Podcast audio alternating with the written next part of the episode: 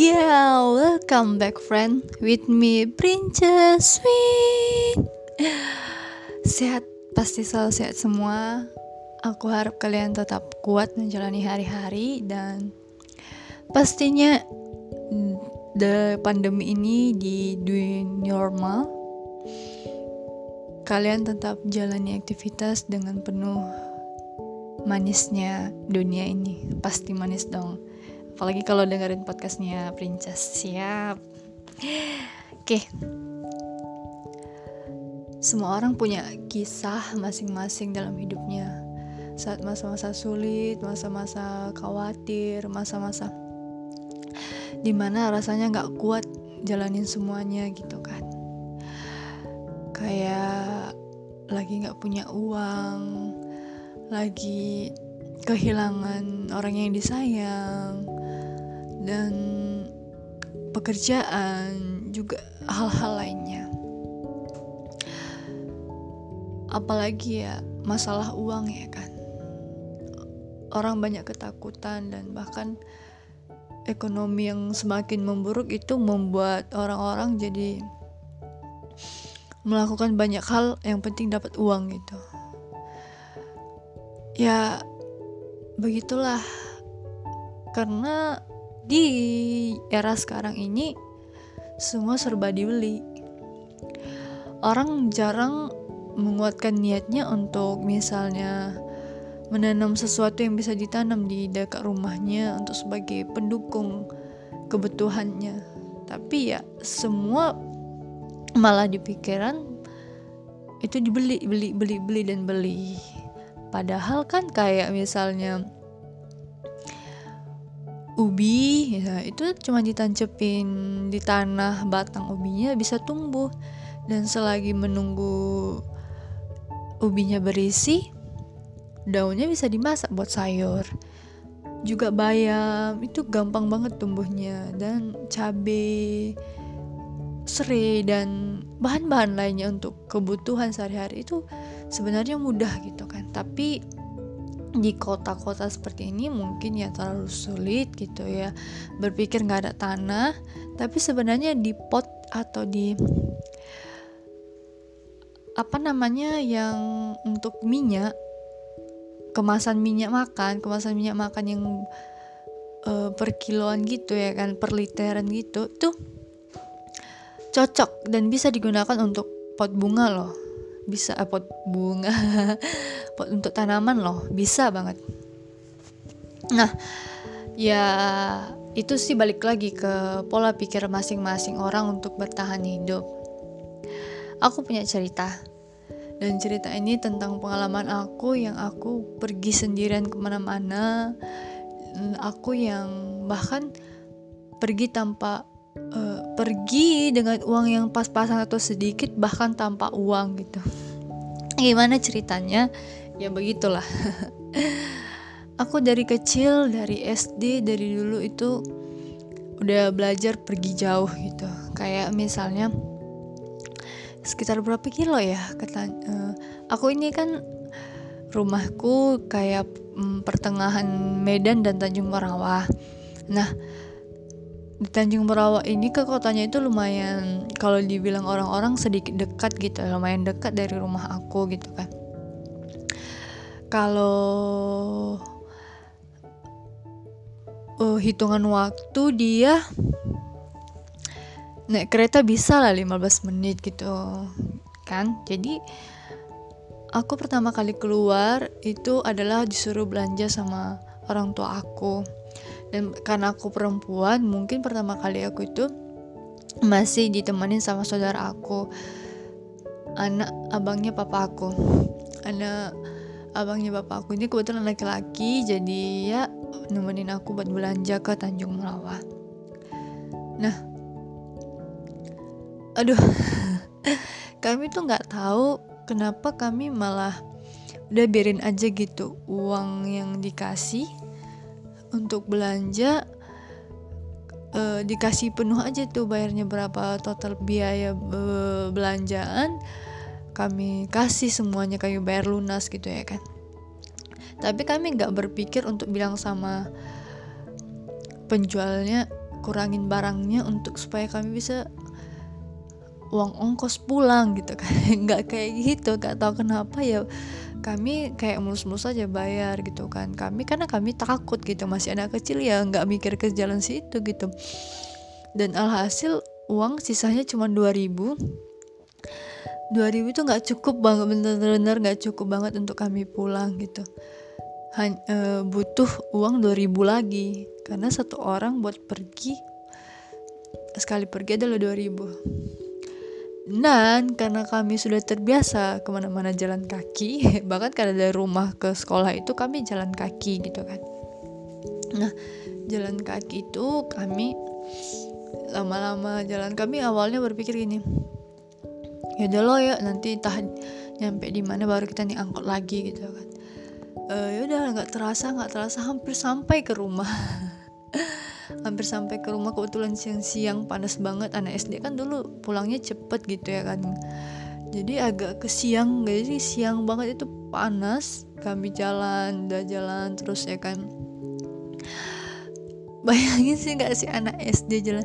Kelas berapa ya? Kemarin aku juga lupa gitu. Kelas 4 atau kelas berapa?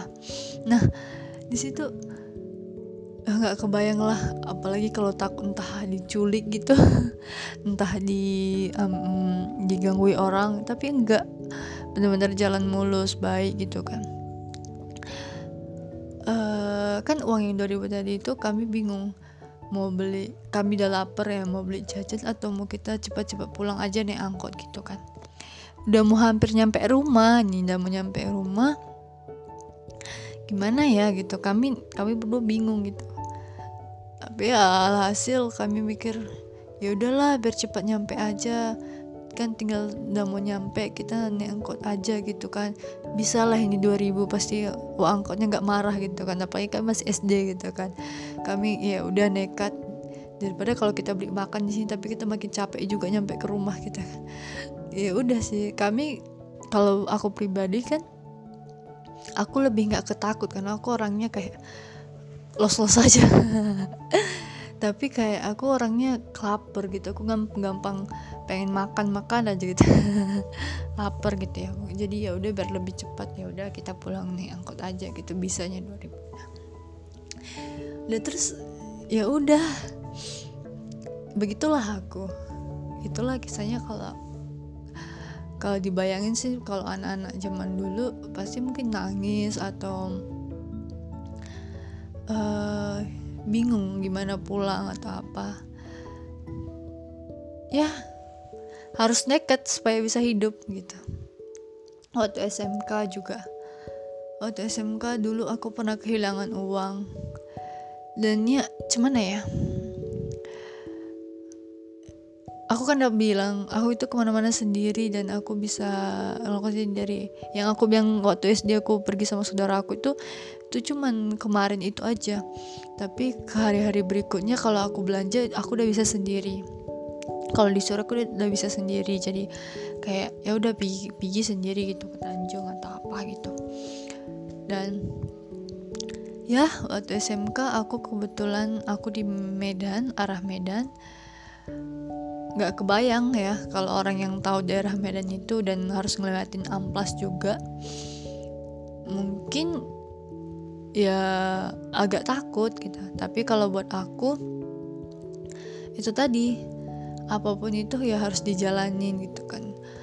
Eh, nggak uh, nggak ada istilah nanti gimana ya gimana? Apalagi pagi-pagi dulu itu jam 7 udah masuk. Jadi sebelum jam 7 satu jam sebelumnya itu aku aku harus berangkat dari rumah.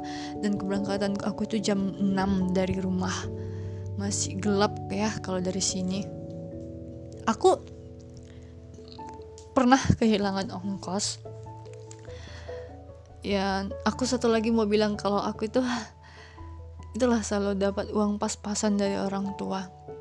SMP dulu tahu SMP ongkos masih seribu dari rumah. Dan ongkos seribu kan?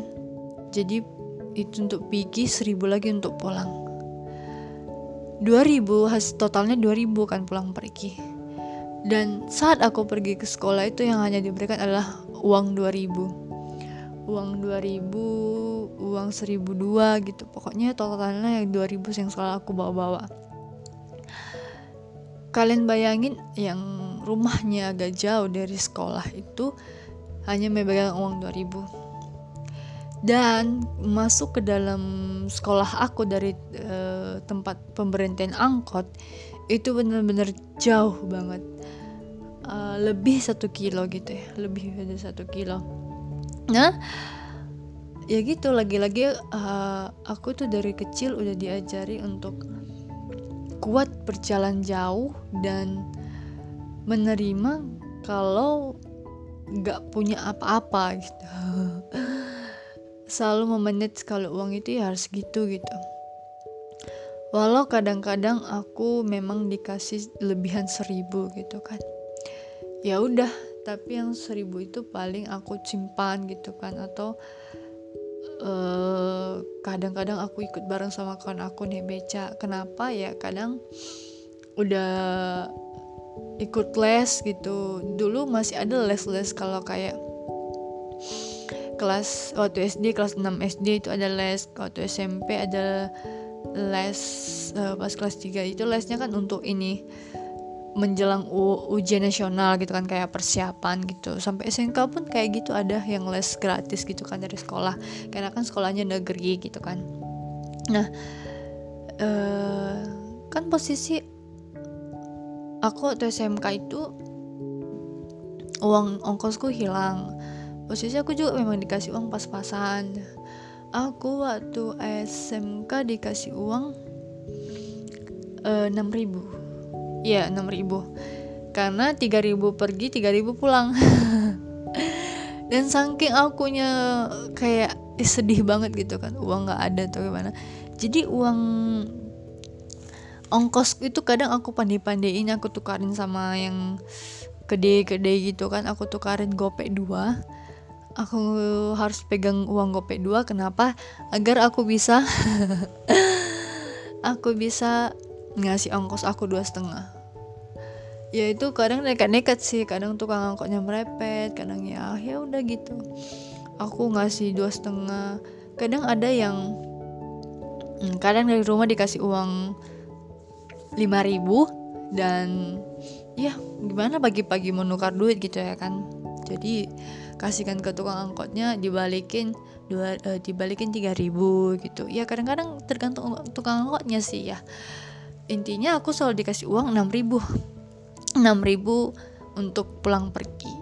Jadi di dari mana uang simpananku? Ya pandai-pandaian aku gitu kan. Dari mana kalau misalnya ada fotokopian atau apa ya aku selalu minta dolenin minta tolong dolenin ke teman aku dan besoknya aku minta sama orang tua aku. Begitulah dia. Kalau misalnya ada kejadian-kejadian sesuatu yang membutuhkan uang di sekolah gimana aku ngatasinnya ya begitulah. Syukurnya sampai sekarang teman-teman aku sampai sekarang aku punya teman-teman yang selalu dukung aku selalu bantuin aku kalau masalah uang.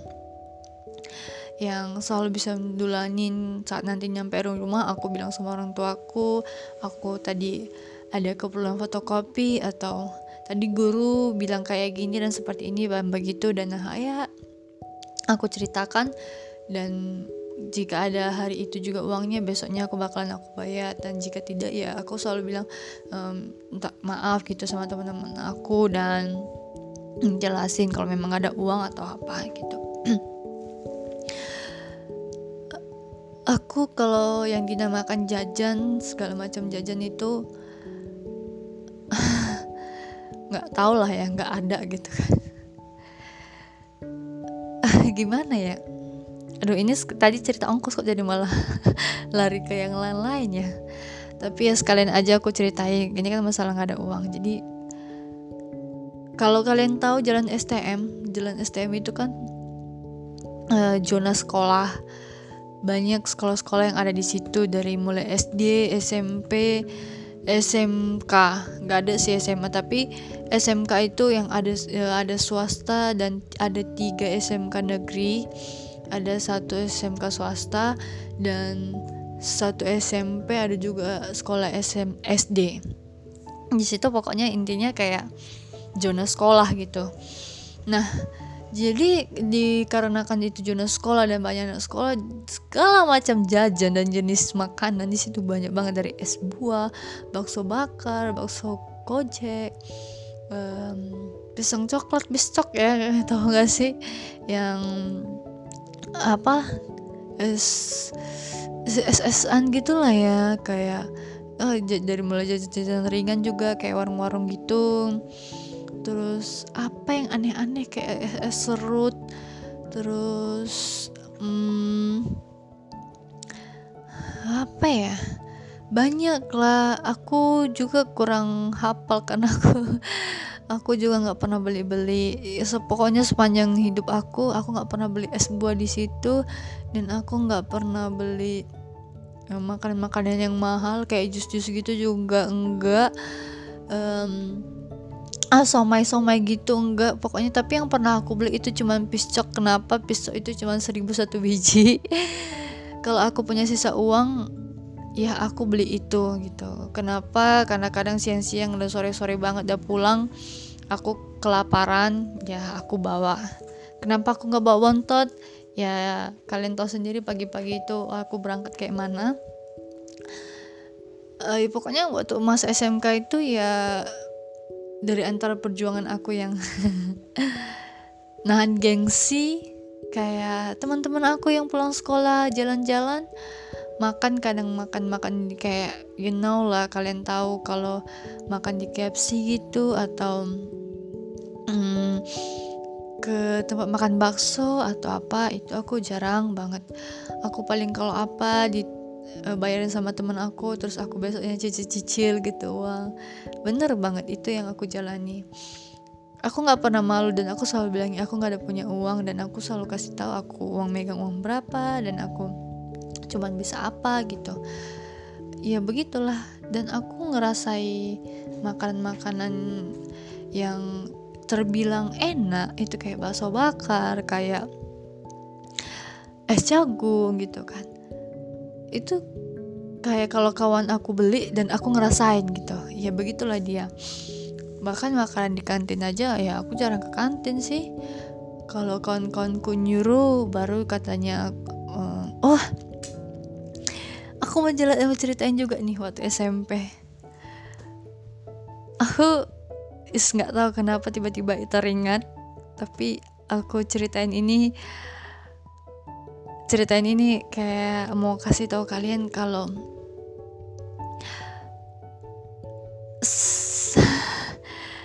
hidup itu nggak selamanya mulus dan nggak selamanya enak buat kalian jalani. Apalagi buat kalian yang selalu punya ada duit dari dulu bisa makan apa yang kalian mau gitu kan. Aku dulu waktu SMP jam istirahat itu teman-teman aku selalu nyuruh-nyuruh aku. Dan aku bukan karena terpaksa tapi aku memang mau gitu. Aku disuruh belikan dan satu orang kadang ngasih aku seribu. Awal-awalnya pertama-tamanya aku kayak ya nggak usah lah gitu kan. Kan minta tolong gitu atau apa tapi lama kelamaan banyak yang sering kayak gitu banyak yang nitip yang bilang ayo nah ini uh, ani tolonglah beli gitu. Kayak pesan sampai bahkan dicatat gitu kan. Dicatat aku dikasih uang seribu seribu seribu satu orang gitu kan. Mau beli apa bebas dan nitip gitu kan. Aku ya ya udah. Tapi itu nggak terlalu berjalan sampai seberapa gitu kan. Karena aku juga sempat jualan gelang waktu SMP kayaknya SMP aku lebih berharga gitu. Tapi ya begitulah. Aku uh, nanti kalau aku udah ada uang gitu kan ya baru aku bisa kadang naik beca. Kadang aku ya uh, aku waktu SMP itu punya duit untuk bayar misalnya ada fotokopi fotokopian atau ada keperluan lainnya gitu ya kayak gitulah. Tapi di situ aku bukan berarti aku dibully atau apa enggak sama sekali. Aku nggak ada berpikiran ke situ dan sama sekali teman-teman aku juga nggak nggak kayak gitu sama aku. Karena kenapa? Aku orang yang di samping mau menolong orang tapi aku juga menunjukkan diriku itu bisa gitu. Kayak eh, bukan berarti aku sombong gitu ya tapi kayak aku lebih rajin ke perpus gitu kan. Kenapa ya? Aku memang seneng aja baca-baca buku atau apa gitu. Dan ya kalian tahu kalau orang yang suka baca-baca itu dibilang kutu buku atau gimana gitu kan. Dan aku juga selalu berusaha untuk uh, belajar dan saat guru menerangkan aku bener-bener dengerin gitu apa kayak ya, ya kayak gitulah gitu kan. Tapi aku kayak orang yang selalu menyeimbangkan gitu. Di dalam kekurangan aku di saat aku tidak punya apa-apa tapi aku memang harus bisa dalam dunia pendidikan itu aku harus perjuangin gitu.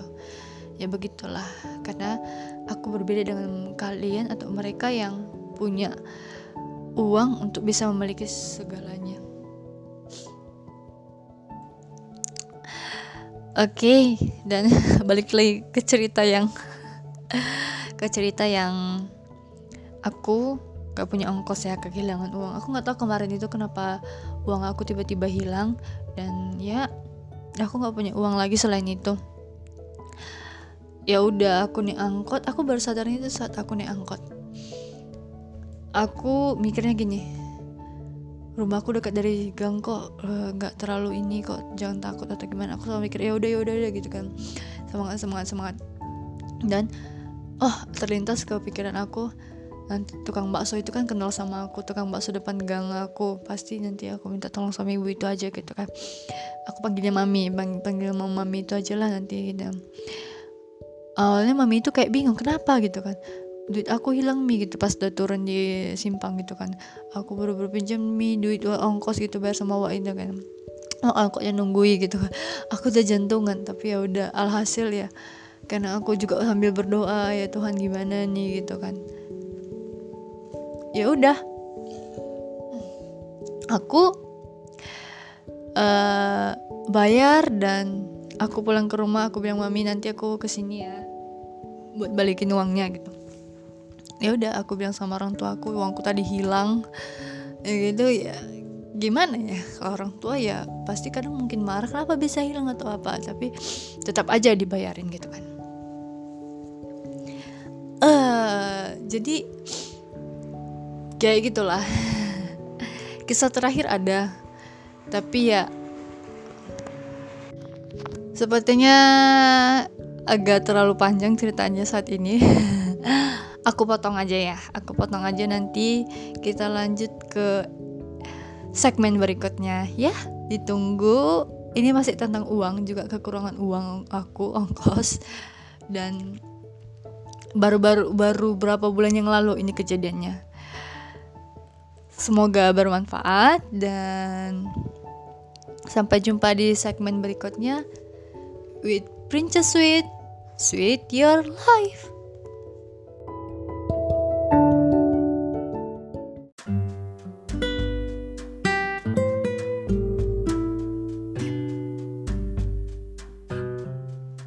Yeah, welcome back friend with me Princess Sweet.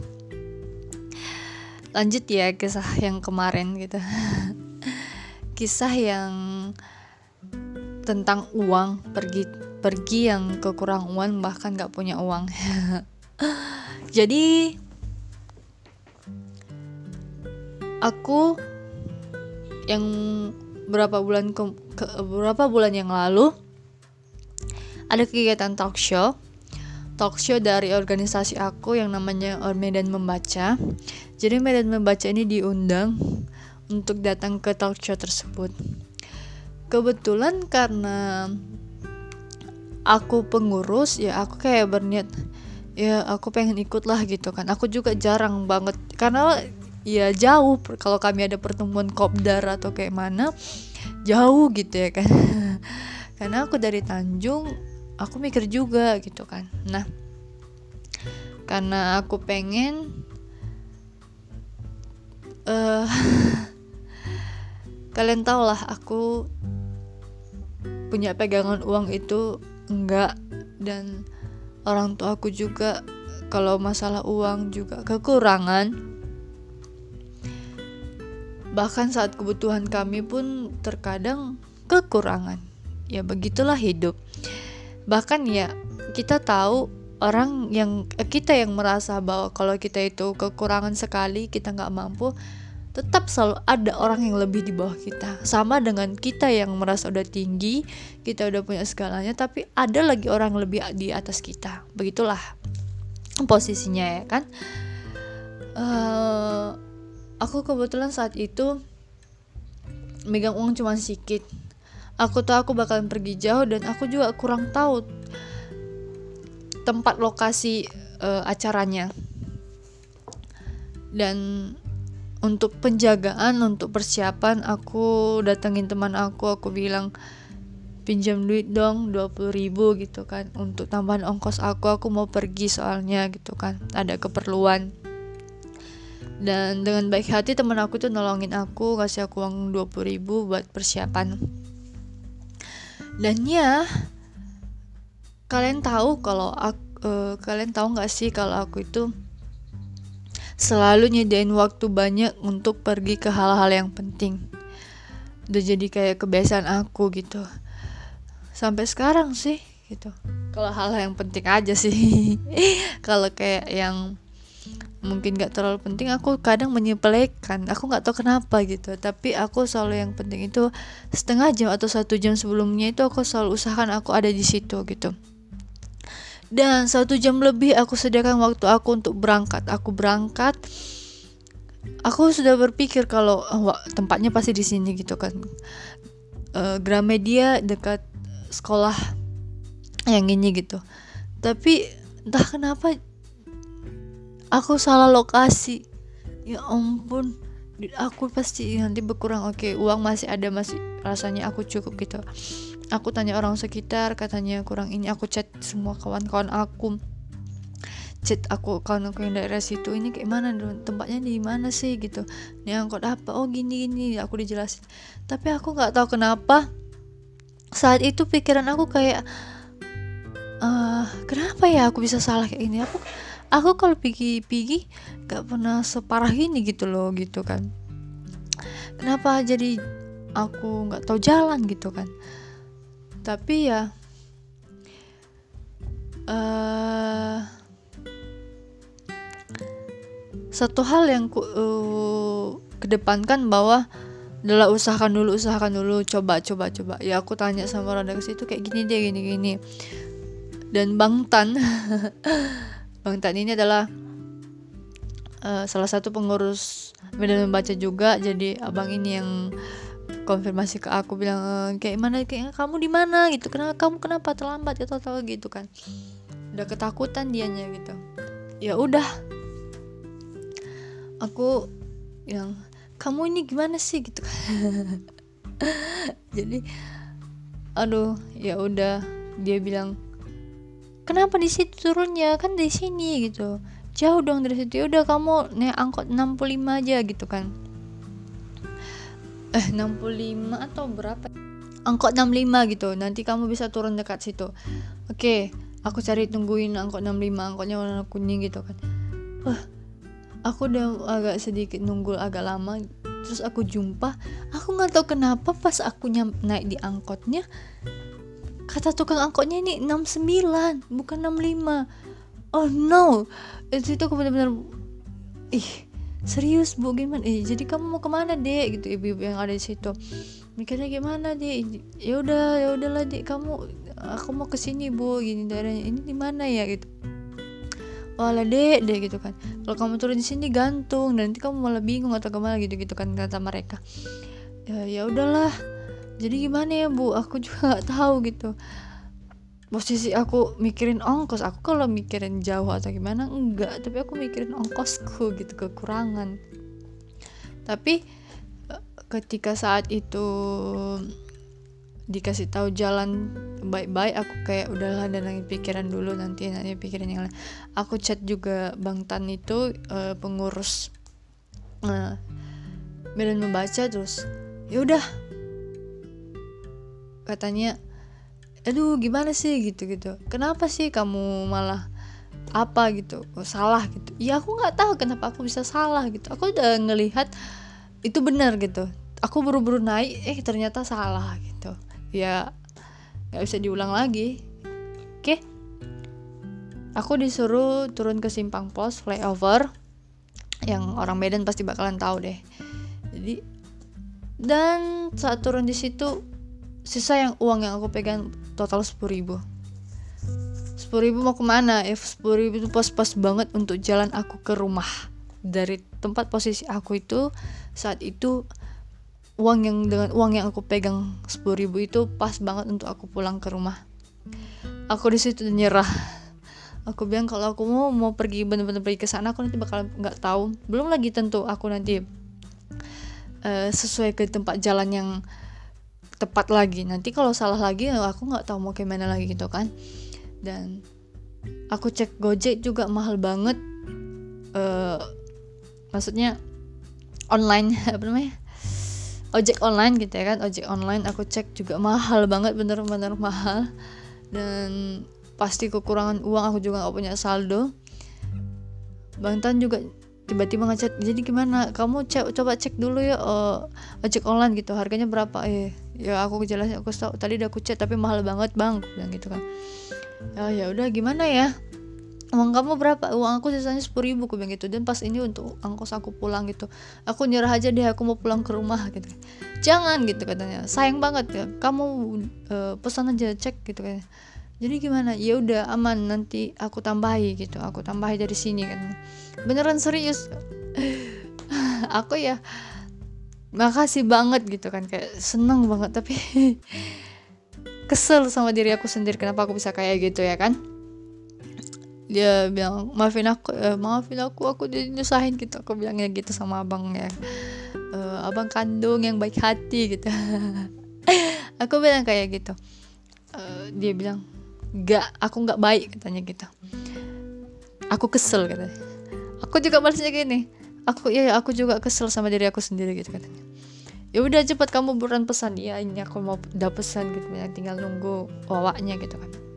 Oke jadi nyampe di sana udah naik udah ya berjalan dengan ya gitu acara sudah udah mau mulai. Aku juga udah ditungguin nggak nggak ditungguin banget sih. Cuman dia bilang nanti kalau udah nyampe dekat sini kamu hubungin ya biar aku turun dari atas gitu kan. Ya udah turun gitu kan. Ada dan wawa um, ojolnya aku suruh tunggu buat sisa ongkos ya yang kurang gitu kan. Dan aku ikut acaranya dalam perjalanan mau naik ke atas ke tempat talk show-nya talk show-nya uh, kami ngomong-ngomong gini maaf ya gitu-gitu. Is, aku bodoh banget gitu. Aku kok bisa lah kayak gitu kan terus bang Tan bilang gini e, itu kesalahan gitu kan. Jadi kamu juga apa bisa negur aku ketika aku salah gitu kan. Gitu juga sebaliknya gitu sama. Oke oke iya. Jadi kayak posisi dia juga marah dia kesel sama aku. Tapi ya dengan kebawaan bahwa namanya juga manusia gitu pasti ada punya sesuatu kejadian kita nggak tahu gitu. Aku bilang aku juga kesal bang aku padahal udah kasih udah sediain waktu aku banyak loh satu jam lebih aku sediain tuh karena aku juga posisi agak samar-samar dengan alamat tersebut gitu kan. Aku cerita sama ketua pengurus kalau aku bilang iya aku nggak tahu kenapa aku pas baca suratnya pas baca suratnya aku berpikir ke tempat yang lain gitu kan. Ya begitulah dia kira-kira. Nah begitulah kisahku. Di saat aku membawa uang yang pas-pas bahkan ketidak ada uangku pun ada orang yang menolong aku. Dan gimana saat aku pulang? Ya saat aku pulang mereka tetean. Nggak tetean sih maksudnya mereka ngasih aku uang buat aku ngasih pulang secukupnya bilang ya udah nih ongkos buat kamu gitu. Karena kami beberapa orang di situ. Ya begitulah karena aku yang lebih jauh karena aku juga yang lebih duluan pulang mereka masih ada lanjut mau makan gitu kan. Aku nggak bisa ikut karena aku nggak punya uang. Ya begitulah. Dengan aku yang selalu nekat dan aku yang nggak pernah takut kalian kalau orang Medan pasti tahu Sambu. Ke Sambu pun aku sendirian. Kenapa aku nggak takut? Karena aku selalu percaya menjalani itu lebih baik daripada tidak sama sekali. Kalau kita merasa takut nggak mau mencoba seterusnya kita bakalan takut takut dan takut. Tapi sekali kita mencoba, seterusnya kita akan selalu mencoba apa pun itu hal yang baru. Hal yang bahkan tidak sama sekali kita sangka gitu. Kita bakalan bisa. Aku itulah SMK aku udah di Medan, aku udah aku bisa. Ya udah. Aku bisa mungkin karena biasa gitu. Kalau katanya Allah bisa karena biasa, begitu juga orang-orang yang mau belajar karena dia kenapa dia bisa karena dia sudah terbiasa quotesnya buat kalian adalah tak perlu khawatir jika tak punya uang untuk hidup. Tapi tak khawatirlah jika tak punya nyali untuk hidup. Aku senang buat orang-orang yang selalu berjuang yang merasa yang gak pernah malu untuk apa yang mereka punya. Sama seperti aku. Aku yang bahkan udah mau tamat baru ngerasain punya android. Dengan hasil aku cuti selama satu semester dan kerja di pabrik baru aku bisa beli handphone aku dengan aku yang nggak punya tas-tas branded atau tas-tas yang uh, tas lempeng biasa. Kalau cewek-cewek biasa gitu aku juga nggak punya. Aku pun punya sekarang ini cuma satu atau dua itu kan dan itu adalah di pemberian dari tante-tante aku. Aku nggak pernah nuntut orang tua aku untuk memenuhi semua kebutuhan aku. Bahkan baju-bajuku sampai saat ini sampai detik ini pun itu semua adalah pemberian dari tante-tanteku. Dari dulu sampai sekarang. Nggak ada baju yang aku beli dengan uangku sendiri. Kenapa? Karena aku memang gak, belum punya. Kalau kalian tanya aku kenapa nggak mau berbisnis atau jualan atau semuanya aku udah pernah coba beberapa kali. Tapi entah kenapa aku kalau masalah jual menjual itu sepertinya tidak cocok dengan aku. Nggak tahu ya. Dulu juga pernah waktu SMP aku jual gelang gitu kan. Aku berceritain di segmen yang sebelumnya gitu kan. Nggak tahu kenapa ya aku kayak kurang gimana ya dalam bukan memanage uang modal untung dan semacamnya bukan tapi aku lebih sering kekasihanin orang gitu. Kayak orang bilang diskon lah atau apa gitu aku kayak lebih ya udah gitu. Karena aku lebih sering kayak itu jadi kadang orang bilang untungmu di mana? gitu kalau uh, aku juga kalau orang minta ngajarin ajarin lah gitu aku beli benangnya aja atau apa gitu. Aku orangnya gampang luluh dan aku lebih ke orang yang ngajarin daripada untuk menjualkan gitu sampai sekarang pun kayak aku mau ngajak orang bisnis gitu kan. Ada sekarang bisnis yang udah kita jadi agen tapi kita ngajak orang lagi supaya kita bisa dapat uh, penghasilan gitu kan. Aku nggak bisa ke situ karena aku kayak ngerasa aku udah merah, pernah ngerasain kayak gini. Aku kayak udah ketipu. Padahal aku nggak bisa apa-apa. Aku nggak punya dapat modal. Tapi aku juga malah nipuin orang lah istilahnya. Nggak bukan nipuin kali sih tapi untuk dia juga kalau misalnya memang benar-benar jalan usaha itu. Buat aku kayak aku susah gitu kan. Jadi aku begitulah orangnya. Kalau masalah jualan-jualan aku juga kayak promosin promosin jualan iya aku mau gitu. Aku juga beberapa kali promosin di barang-barang teman aku tapi nggak tahu kenapa setiap orang ada yang udah nanya udah nanya-nanya udah aku kasih tahu gimana harga-harga atau apa nggak tahu kenapa ya memang nggak keterima nggak mau aku pernah juga jual tiket gitu kayak berbagai macam jualan aku udah pernah coba. Nggak tahu ya kalau orang bilang aku nggak konsisten atau orang bilang aku nggak apa aku ya aku cukup konsisten. Aku juga coba kececet orang-orang atau aku promosi ini segala macam. Aku rasa ya memperjuangkan untuk mencoba itu udah beberapa kali aku coba. Hah? begitulah dia. Nggak semua orang bisa berhasil dengan sesuatu yang sering dibuat orang berhasil gitu. Ya bener banget. Kalau hidup nggak semua orang bisa bertahan dengan cara orang lain. Hiduplah dengan cara caramu sendiri dan berdirilah dengan caramu sendiri kalau orang yang duduk berdiri dengan cara melompat, kamu berdiri dengan cara perlahan gitu. Ya, melompat itu ibaratkan kamu bangun usaha langsung bangkit gitu langsung uh, menang gitu. Tapi ketika kamu berdiri dengan perlahan dengan mengangkat satu persatu kaki kamu uh, itu dengan cara yang diberikan buat kamu gitu. Ada hikmatnya ada nikmatnya yang manis yang kita nggak ketahui itu berasal dari yang maha kuasa. Untuk benar-benar kita rasakan nikmati menjadi berkat gitu. Ya begitulah dia. Oke okay, sekian semoga bermanfaat. Semoga apa pun itu menjadi semangat kita jalanin hidup karena uang itu memang segalanya tetapi uang tidak akan menjadi segala yang membuat kamu sedih atau stres. Ya. Sampai jumpa ke episode-episode berikutnya. Sampai ketemu lagi. Semoga semakin bermanfaat lagi. With Princess Sweet, sweet your life.